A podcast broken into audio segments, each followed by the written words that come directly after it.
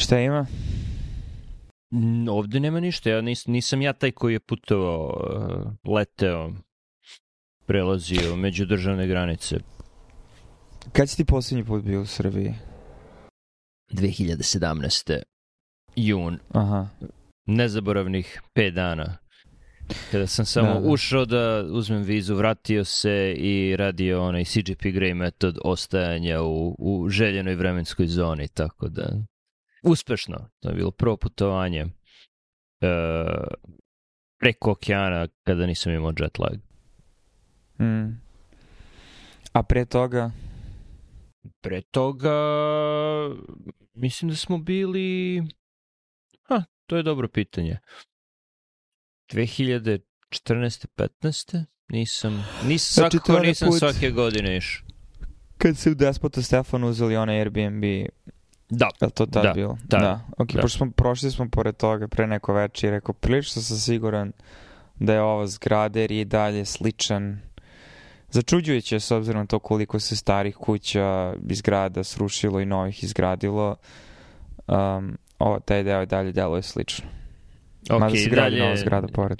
i dalje pokriven slojem čađi. Sve fasade su onako. Što je Pa taj deo nije. grada je... Beograd se promenio čak i od prošle godine. Um, a i te kako se promenio od o, posljednjeg puta kad smo pričali 2021. na tu temu. Um, tako da čudno je interesantno je i sa druge strane možda malo se možda malo samo zabrinjavajuće meni iz perspektive naš nemam uvid u statistiku platežnu sposobnost građana, stanovnika, naš um, uvid u tržište i, i, i znaš šta je dostupno i, i u tom smislu ne mogu da nemam, nemam dobru intuiciju po pitanju toga da li je ovo bubble ili nije um, jer očigledno se ti stanovi kupuju um, ali sa druge strane nekako mi deluje da je sve to zastovano na nekom kontin, nekoj kontinuiranoj izgradnji ideje da će to biti ispunjeno ljudima potrošnjom, prometom robi i tako dalje, zavisnosti od vrste prostora. Ali ajde onda da, pošto delo mi da si teo da pričaš o, o utiscima iz, a, trenutno iz Srbije. Da, ali kad si to spomenuo, to je, to je direktna paralela sa onome što smo, nis, verovatno nisi slušao reprizu od razgovora od prošle godine, kada sam se ja pitao ko gradi sve te stanove u Jagodini i ko, ko treba da živi tamo, ono nije bitno dokle god se para okreće, nije bitno dokle god se pumpa GDP, uh, kao što postoje ono, fa fantomska naselja su bila, postojilo u Japanu 80-ih, sada u Kini, koliko je tih zgrada, koliko je koliko, koliko su te zgrade fantomske i, i, i koliko će biti prazne kada se jednom završi izgradnja. Ne znam. Pa ne, ne, verovatno ne toliko koliko sam inicijalno mislio, barem za određene regione. I opet, ne, ne, nemam dobru intuiciju, kaže, nemam uvid u statistiku, nemam uvid u to koliko je stanova prodato, ko se preseljava. De facto ono što posto, čemu postoje podaci je da je više desetina hiljada ljudi iz Rusije i Ukrajine sve zajedno došlo u zadnjih par godina i da ti ljudi koji su došli, mahom su došli u Beograd, mada ih ima i po Srbiji i po Crnoj Gori.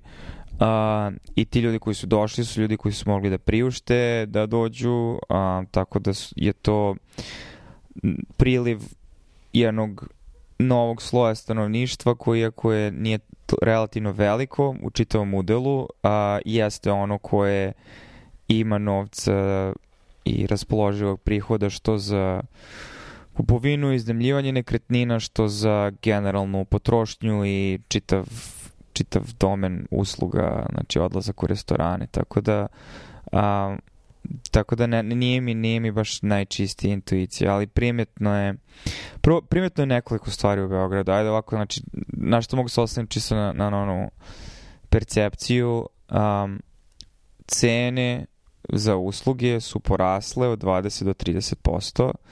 Znači, ako sedneš u restoran ili ako sedneš u kafić i naručiš piće, u većini mesta, uključujući i Pančevo, cene su daleko bliže cenama u Sjedinjenim državama, nekada čak i iznenađujuće, da je ono tipa takav ekvivalent obrok ili piće u DC-u bi možda bilo 50% skuplje, ali prosječna zarada stanovnika tu koji sedi u tom kafiću nije 50% više, nego je 3 do 5 puta viša.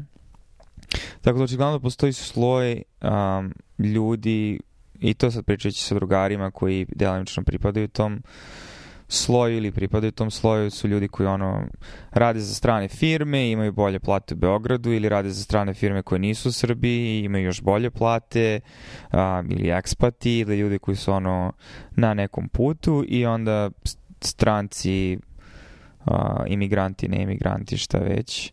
Uh, tako da nekako to funkcioniše. Beograd je svakim radnim danom bio prepun ljudi u bilo koje doba dana, a, čak najviše i uveče. A, kafići i restorani su puni. A, ono što sam primetio po restoranima je da ima mnogo više internacionalnih a, zaposlenih. A, imaš ljude sa Filipina, bili smo u nekom šrilankanskom restoranu, to je pokupili smo hranu i hrana je bila odlična i u kuhinji, pošto je kuhinja ona otvorena, kao vidiš, s polja, delaka da su sve ljudi sa indijskog podkontinenta. Um, tako da je Beograd se više nego ikada i priča sa određenim prijateljima osjeća kao internacionalna metropola gde čak često u restoranima prvi jezik zavisnosti da sedneš, ali ono koji konobari svi pričaju engleski, meni na engleskom Tako da to, to je neka osetna promena. Znači, bilo je to na nekom gradijentu, ali sad je osetnije nego, nego ikada pre. To zabrinjava. Znaš, znaš koji je grad u kome, u kome, u kome sam bio gde, gde te konobari dočekuju na jeziku koji nije domaći? Bangkok, Bangkok Nebojša, gde, gde imaš bukvalno viši sloj koji je udiše čisti vazduh koji je ono na, na izdignutim putevima i, i u ono blještavim restoranima i imaš niži sloj koji je koji je jede uličnu hranu sumnjivog porekla i, i koji mora još tada kad sam bio 2008. 9. moraju da nose maske zbog ono vazdušnog zagađenja to, to je, to, to mi zvuči na, na neko raslojavanje. Naročito ako uporediš Beograd sa, sa ostatkom Srbije. Pa mislim da je u toku jedno veliko raslojavanje i sad pitanje je kako će se to dalje razvijati i u da li će se usporiti, nastaviti, kako će to uticati na demografsku ovaj, situaciju i generalno na, mislim, društvenu strukturu Uh, jer i to je meni bio sad te zabrinjavajući moment, jer Znaš, postoji i drugi sloj ljudi koji pri, mogu sebi da priušte sve te stvari u Srbiji to su ljudi koji i rade sve te investicije i, um, i način na koji oni stižu do svog kapitala nije najčešće kroz, sara, kroz platu u inostrane kompanije, ajde tako da kažemo. Um, tako da ne znam. Sa druge strane, dosta se izgradilo, sad možda ono estetski momente i rešenja različitih aspekata on, možda kritikuješ, ali de facto je bolje. Znaš, i taj Beograd na vodi se sada malo i otvorio i lepo je sa te strane Save imati pristup reci, ali bilo bi lepše da to nije u sklopu ogromnog tržnog centra gde ono prva stvar u koju ulaziš kada uđeš sa ulice je Maserati autosalon i naš prodavnice po ugledu na... Mislim, delo je kao svako drugo mesto u globalnom gradu i to je ono posledica globalizacija i sa druge strane vrlo je onako delo kao aerodrom arapski neki ili znači, znači zlatno prostor, svetlo, mirišljavo.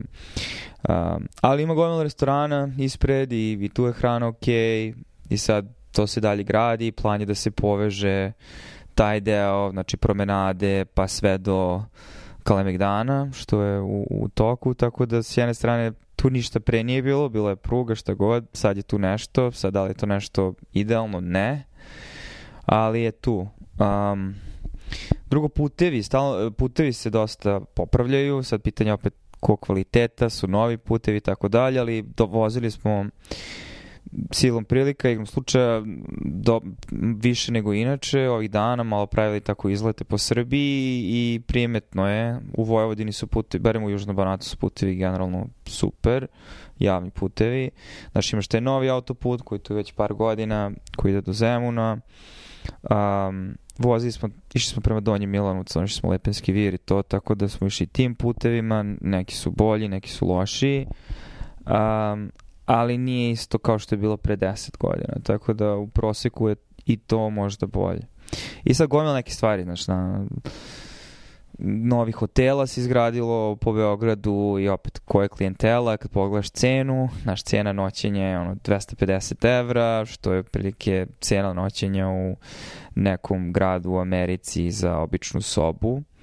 Mm, um, to je ve, više tak... od, ne, standardna soba u nekom ovo, hotelu, tri ovo je, zvezdice. Hotel sa četiri zvezdice. A, okay. Pa da, ovo je četiri. Da, mislim da je četiri, nisam gledao na sajtu, ali mislim, to je ovaj novi Hilton u stvari. Um, znaš, i do, gomila tako sa nekih novih prostora, novih kafića, sa pogledima na grad, znaš, jer se i grad izgrađuje i, um, i tako da se te strane kao, ok, um, ima stvari, ima više stvari u nekom obliku, ali opet sve te stvari su uglavnom stvari nekog, bar ako sam ja ovako površno iskusio, a, više nekog potrošačkog karaktera. Znači imaš više internacionalnih restorana, više autentičnih internacionalnih restorana, više mesta gde možeš da kupiš garderobu, robu, znaš, svi ti tržni centrovi, centri se ono, dalje otvaraju i šire i grade i a, ima ih svuda po gradu, a, ali opet naš bilo bi lepo da ta promenada nije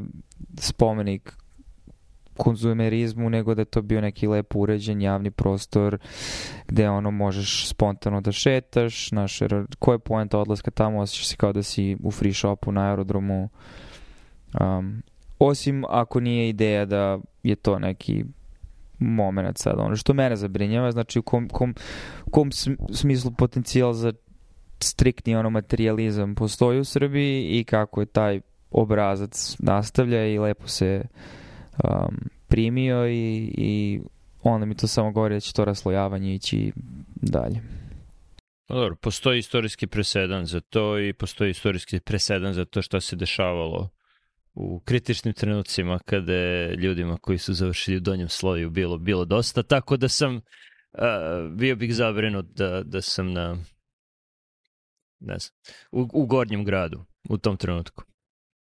Bio bih zabrinut, bio bih zabrinut za svoju bezbednost. I oko Pančeva se izgradilo gomila fabrika novih, internacionalnih, ali to ono, broze za pravljanje, ne znam, kablove elektronike za um, automobile, ali opet ljudi oko mene sada rad, imaju sposobnost da rade na tim radnim mestima i plate su bolje, uslovi su bolji, tako da mestimično sad postoji ti neki aspekt, ali ne znam koliko to dugoročno, pogotovo sa ovom stopom inflacije, može da ima smisla, jer jedan razlog zašto je potrošačka korpa ovde mislim da što je hleb i dalje 50 dinara, tako da, znaš, ono, i to je strogo držano, mislim ta scena mm. se drži. Super, blago pekarima, A, blago pekarima. Ako se baviš proizvodnjom hleba, to je super za tebe. Da. Ali sve ostalo je skuplje, znaš. I to je... Ili brašna. Da. Ili brašna. Mislim, to je sad to moment što ono, znaš, to su sad ti nevidljivi zidovi koji se formiraju u društvu, koji su tekako osetni u Americi, uh, što ono, znači nije, znači nije ništa ograđeno i vičeno, jednostavno cena da ti sedeš negde će biti dostup, ono, pristupačna samo određenim ljudima i samim tim je to prostor koji nije za tebe ako ne možeš da priuštiš da sediš tu. Slušaj, to je sasvim u redu, meni nije to problem. Problem je Problem je to da li ćeš biti sposoban da sedneš negde ili ne, da li to zavisi od tvoje sposobnosti rada, ambicije, obrazovanja ili zavisi od toga u kojoj si porodici rođen, u kojoj si stranku učlanjen, koga znaš. E, koga znaš lično, a ne profesionalno. Mislim, to, to je glavno pitanje. Da li će postojati ljudi koji imaju više i koji imaju manje? Da. Uh, kolika ta razlika treba da bude, mislim da bi u Srbiji bilo jako dobro da je raslojavanje na nivou raslojavanju u Americi, pošto mislim da je generalno nejednakost veća, ili bar raste više nego u Srbiji, raste više u Srbiji nego u Americi. To je u redu, ali, ali pitanje je da li neko može da pređe iz sloja u sloj, a, a ne pitanje je da, da, da li slojevi postoje. Pa da, mislim, jedina stvar koja mi je ono kao uvek svetla tačka sistema ovde je to obrazovanje, to visoko obrazovanje i taj budžet i znaš, um, ljudi koje znaš, koji dolaze iz ono, relativno skromnih uh, porodičnih situacija koji imaju priliku eto, da završe visoke škole, mislim više obrazovanje za koje, koje će im omogućiti da naplate to, ako ne u Srbiji, onda u inostranstvu. Pa to, koji, da, će, im, obu, koji će je... im omogućiti da napuste zemlju. To je, znači, trenutno obrazovanje u Srbiji tome služi. A, a zabrinuo bih se jer uh, moraš da, da, moraš da vratiš u to obrazovanje. Znači, ko će, ko će, ko će nastaviti da radi na, na univerzitetu u Beogradu, Novom Sadu, Nišu, Kragujevcu, ako, ako ljudi koji su nižeg socioekonomskog statusa, a koji su visoko obrazovani dobri u svom poslu, odluče ne da ostanu u zemlji, nego da, da je napuste, a oni koji su isto tako dobri, uspešni, pametni, bla, bla, bla, a koji imaju mogućnosti, oni neće ostati u obrazovanju. Oni će se, po onome što čujem, baviti privatnim poslovima i ono, pazariti maseratije. Da, da, da, mislim, znači to je sad što opet ne poznam dovoljno ekonomske prilike, da li mi, znaš, znaš ta priča od 2020. i Znaš, kada je mnogo investicija omogućeno, znaš, da li je ovo rezultat toga ovde ili definitivno neki lokalni... Um, jer na nekom nivou, znaš, ono, deluje ti da je u proseku bolje ljudima zaposlenima, naravno. Mislim, um, nego prošle godine, znači to je utisak samo pričajući sa ljudima, hmm. a, da mogu više da iako, su, iako je sve skuplje, opet nekako ljudi se ne osjećaju toliko stegnutim, ali sa druge strane ne znam koliko to drživo i, i ako cene nastave da rastu jako brzo će biti dobro samo sve manjem i manjem broju ljudi, bez obzira na to šta je u ponudi i kakva iskustva i na koje mesto. Znaš, bili smo na Srebrnom jezeru, u prolazu i nije mi jasno, znači, znači ja sam vidio barem jedno 15 objekata u izgradnji, baš tu oko samog jezera, znači sve neki hoteli, nešto. I prvo što ne znam da li kapacit, prvo da li, znaš, ono, mokri čvor, infrastruktura to može da izdrži, ali drugo, a, da li to jezero može da izdrži toliku količinu a, gostiju u, u vrhu sezone, a, a, a to je sad samo oko, ali čim malo izjedeš prema velikom gradištu, opet imaš gomilu nekih više spratnih zgrada, hotela, šta god da se gradi, tako da ono što me samo malo zbrinu da deluju i dalje aspekti svega toga da su mehur, jer pitanje je ko su ti ljudi koji će ići tamo, znaš, i koliko tih ljudi ima u Srbiji. I, i nemam baš najjasniju sliku o tome. Barem u krugovima u kojima se ja krećem. Znaš, nikome nije dramatično značajno bolje, ali kao svima je cool da mogu da u Beogradu pojedu nešto drugačije što nije moglo pre Um, ali opet, znaš, ima toliko nekih... Mislim, Beograd ima problem sa parkingom, generalno, ali postoje opet sa neka kao... Mislim, ima, no, ima više garaža. Mislim, imaš mm. garaže kod kliničkog centra, to ne znam da li znaš, najzad su napravili. Um, ali ono... Ne znam, gde, gde, gde se nalazi? Uh, pa tu, znači, pored poliklinike, kad ideš prema fistohiziološkom, a, znači taj mm -hmm. prostor, znači bukvalno ta, uh, to je Resavska, ali tako, i znači na ćošku mm -hmm. Resavske i te ulice što ide pored poliklinike, znači s druge strane ova hiruška, uh, taj ćošak. A, okay, I tu je sad okay. kružni tok, tu je mali okay, kružni tok. I za, i za, i za parking uh, histofiziološkog. Tamo je bio mali da, parking ni ne sećam iz zgrade. Da, okay. da. Preko puta genetike, znači otprilike ono... Da. Mm -hmm. Um, ali opet, znaš, to je... Ali, aerodrom Nikola Tesla restaura ta Vinci kompanija i oni su da, mislim sad upitne. Znači, zašto stavljaju laminat na pod, nije mi jasno, kad posle dva dana već vidiš tragove od kofera, zašto farbaju zidove krečom belo, kad posle, ono, vidiš već da imaju tragovi od kofera i stopala, znači, uopšte ne izgleda kao aerodrom u nekim delovima. Mislim, aerodromi sa razlikom imaju ružne tepihe. Mislim, na, to na. je... um, a i, i recimo naplata parkinga koja je 400 dinara sat na aerodromu. Mislim, tako da svi ti sistemi su nekako na nivou čak i iznad onoga što bi očekivao u najrazvijanijim zemljama sveta po pitanju cene, a usluga koju ti pružuju nije ništa, tako da je dosta toga zasnovano na tome ko u kom trenutku, znaš, no, gatekeeping, ko, kome se može i onda to i rade, tako da i naravno da, mislim, kako, kako može nekom u Srbiji da bude normalno da plati parking 400 dinara za sat vremena? Ili koliko već? Pa dobro, kako može nekom u Srbiji da bude normalno da leti avionom? Molim te, ne više šta priča. Ne, ali ću kažem, na Dalesu je parking šta besplatan. Šta će neko iz Mislim, Srbije... Razumno, znači, jednostavno, jeftinije parking Pa u dobro, šta će neko iz Srbije? Šta će... Šta će prosječni stanovnik Srbije da radi Pa da na aerodromu? Da gleda porodice. avione. Za to ti ne treba tracking. Sedi u autobus i, i, i gledaj. I Bus Plus više ne postoji, sad je neki novi sistem gde čak je to u stvari jeftinije. Mislim, možda su oni skapirali, jednostavno ljudi ne plaćaju karte, ali možda bi se on trebalo postane besplatan potpunosti e, javni gradski, jer i ovo je a, mislim da je 120 dinara i onda imaš dnevnu kartu u zoni 1, što je u principu ceo Beograd, znači samo ne ideš dalje ono, u okolna, okolne opštine, a, za 120 dinara i kao platiš SMS-om i to je to. Samo pošalješ šifru na broj.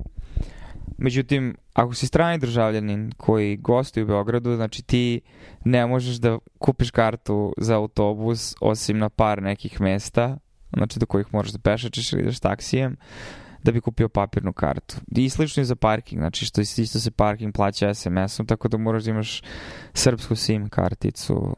Znači, kažem, postoje neka mnoga rešenja koja vidim sad, ali opet nisu ni ona nešto mnogo pametna, kvalitetna. Pogotovo ako ti je ideja da privučeš inostrane ljude. Ma dobro, neće se oni voziti gradskim prevozom. Ali... Da, htio sam da kažem, parking nije problem jer, jer Beograd ima odlična, odličan javni saobraćaj, zar ne? Pa, da. Hm, Zar ne?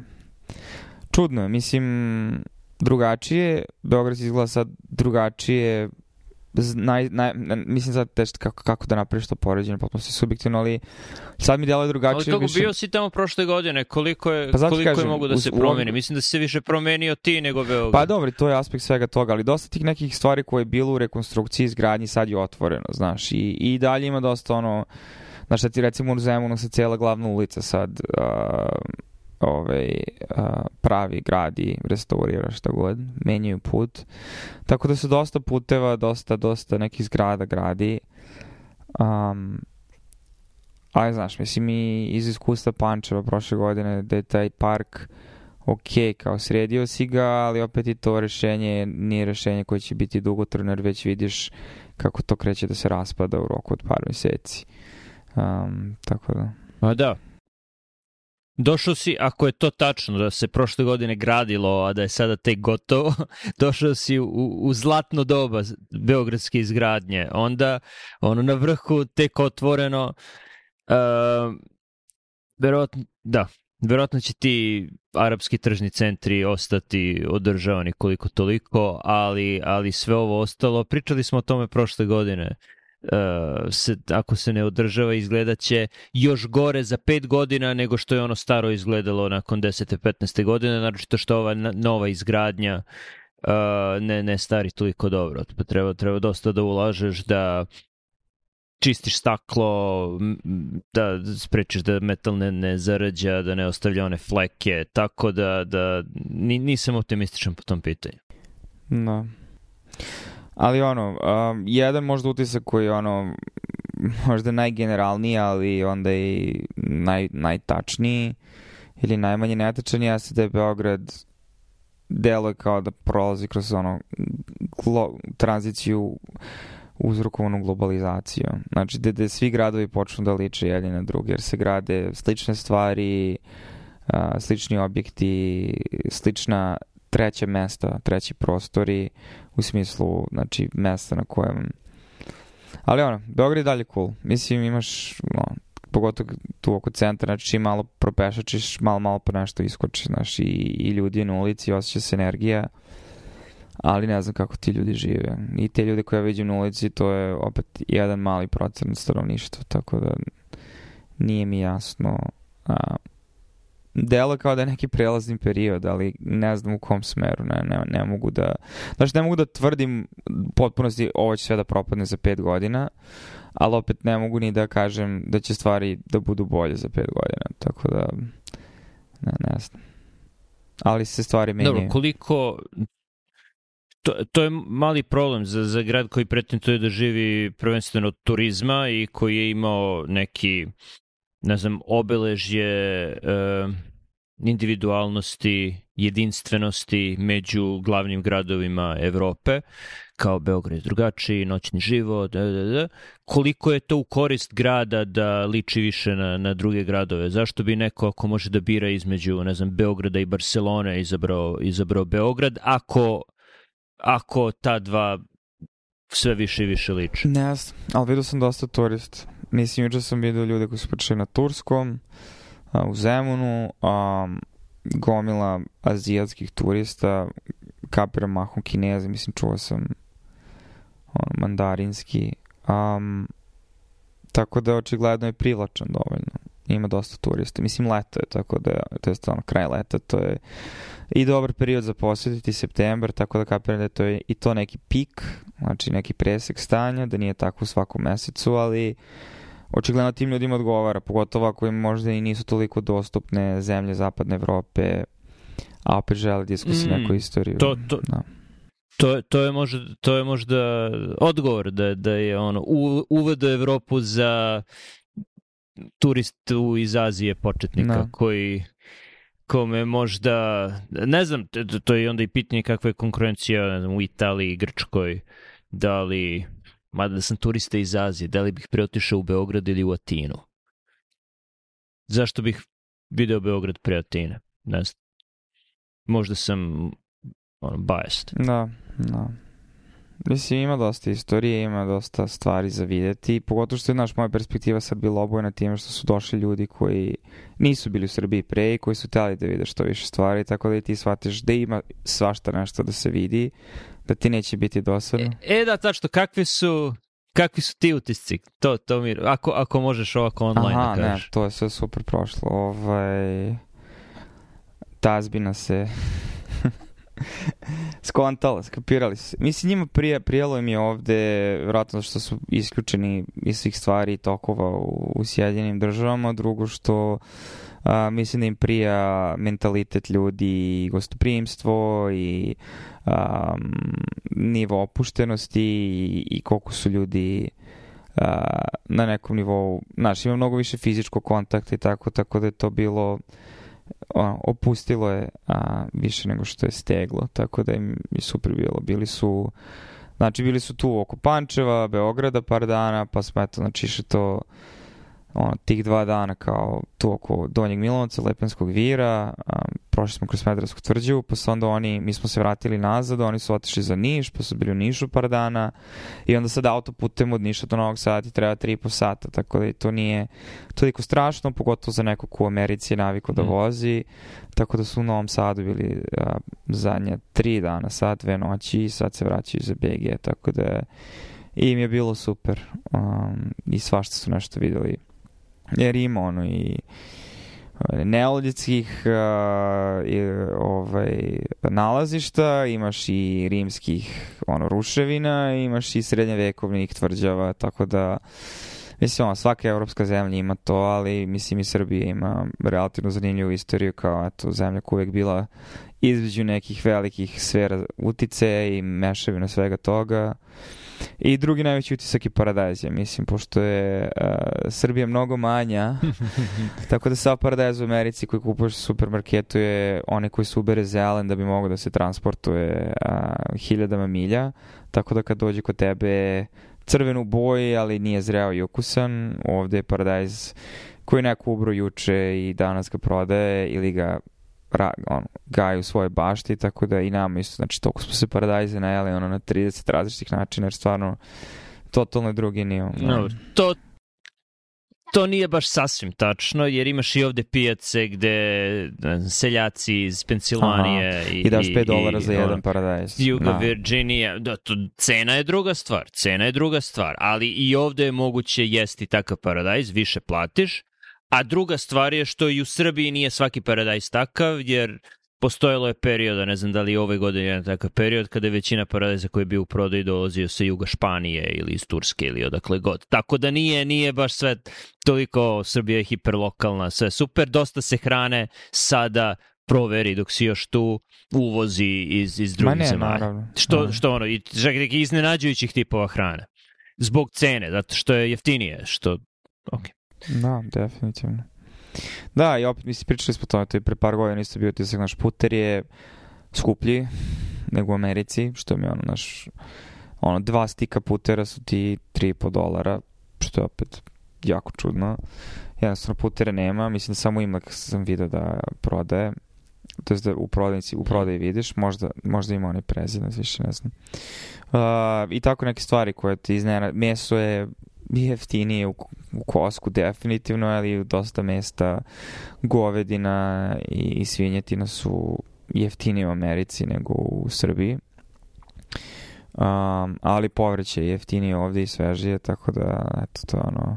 Ali to ono što srpska kuhinja mahom na meso, znaš, gde god da sedneš uvek je ono u, izboru ćevapi, pljeskavica, vešalica, tako da i to se odražava na, na onda i cenu stvari koje naručuješ. Ma da, ali uglavnom je mleveno meso koje je koliko sada, 15-20% soje. To je sada postalo standardno.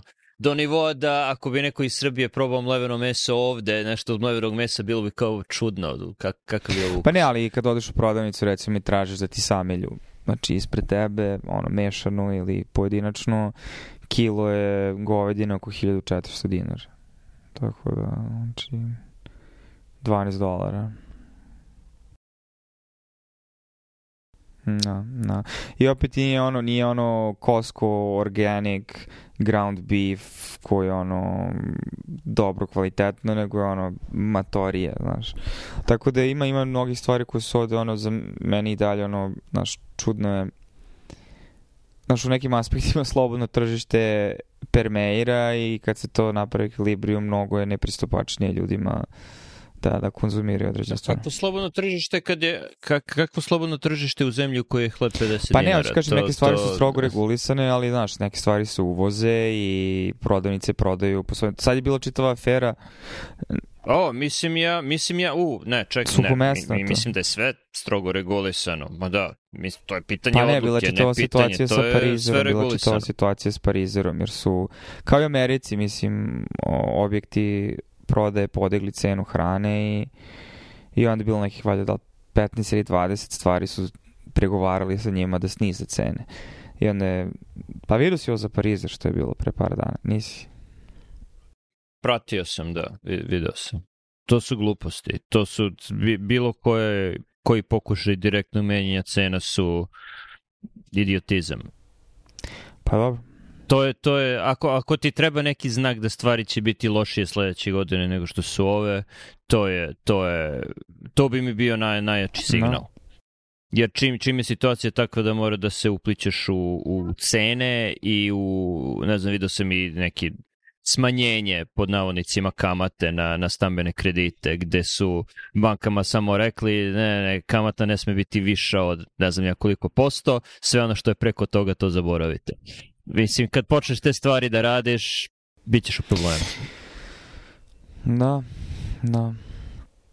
Znaš, i grejanje sad je barem od, znači, znači iz meseca u mesec poskuplje grejanje i dižu cene grejanja tokom leta, jer ljudi manje i primete, verovatno, ali evo sad ovde je grejanje ono, u Panču oko 9000 dinara mesečno.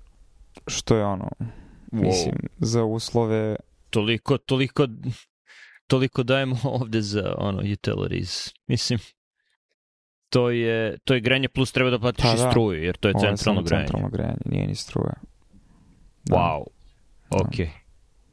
gorivo isto cene nastavljaju da rastu, tako da mislim da gorivo u Americi nije merodavno jer je ono, ono a, kontrolisano, um, ali Mm,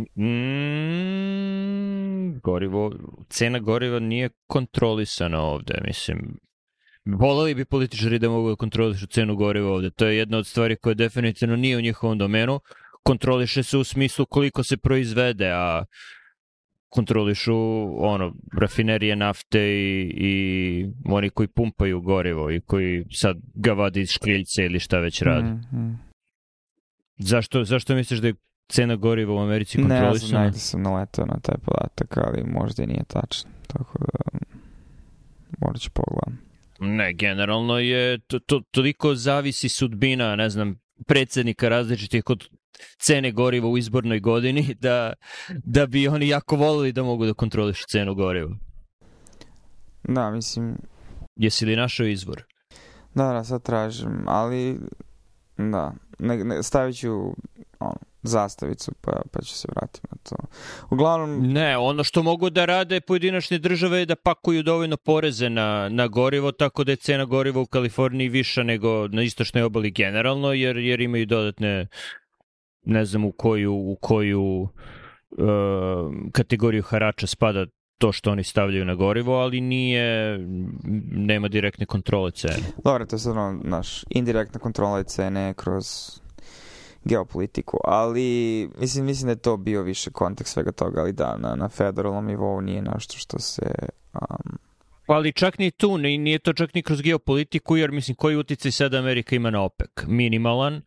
Izgubili uticaj sa Saudijskom Arabijom, znači ta priča više više ne važi. Ono, ono što čime kontrolišu je razvili su nove tehnologije koje mogu da eksploatišu nove rezerve goriva domaće, tako da je Amerika sada neto izvoznik goriva, ali ne bih to to nije čak ni indirektna kontrola, mislim. Dobro, stavimo zastavicu. A, idemo Kao ono, dalje, ne moramo da pričamo o tome. Ne moramo da poboljšaj pričamo o tome tehnologiju više uopšte. tako da... Ok, nastavi, iseci ovo. Znači, ne moram, znači... Mislim, teo sam da Ne, kažem okej. da cene goriva su ovde daleko skuplje u Srbiji, tako da i to je isto Ok, osetnije. Ok, ok. Primetio sam tendenciju pravljanja paralela koje možda nekad postoje, nekad ne. Mislim da u ovom slučaju ne postoje.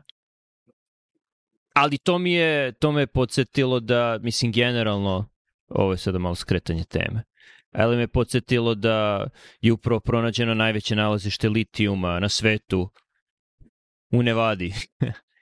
Tako da još jedan primjer tehnologije koja, mislim, i tako su, tako su Amerikanci, pod navodnicima, nisu Amerikanci nego privatne kompanije, kontrolisali pod navodnicima cenu litijuma tako što su povećali zalihu, tako što su pronašli nova nalazišta. Tako da zamisli, zamisli sada da je neka zemlja, hipotetička, uložila puno para i uništila svoju prirodu eksploatacijom lokalnog nalazišta litijuma pod prepostavkom da će te cene ostati takve ili porasti.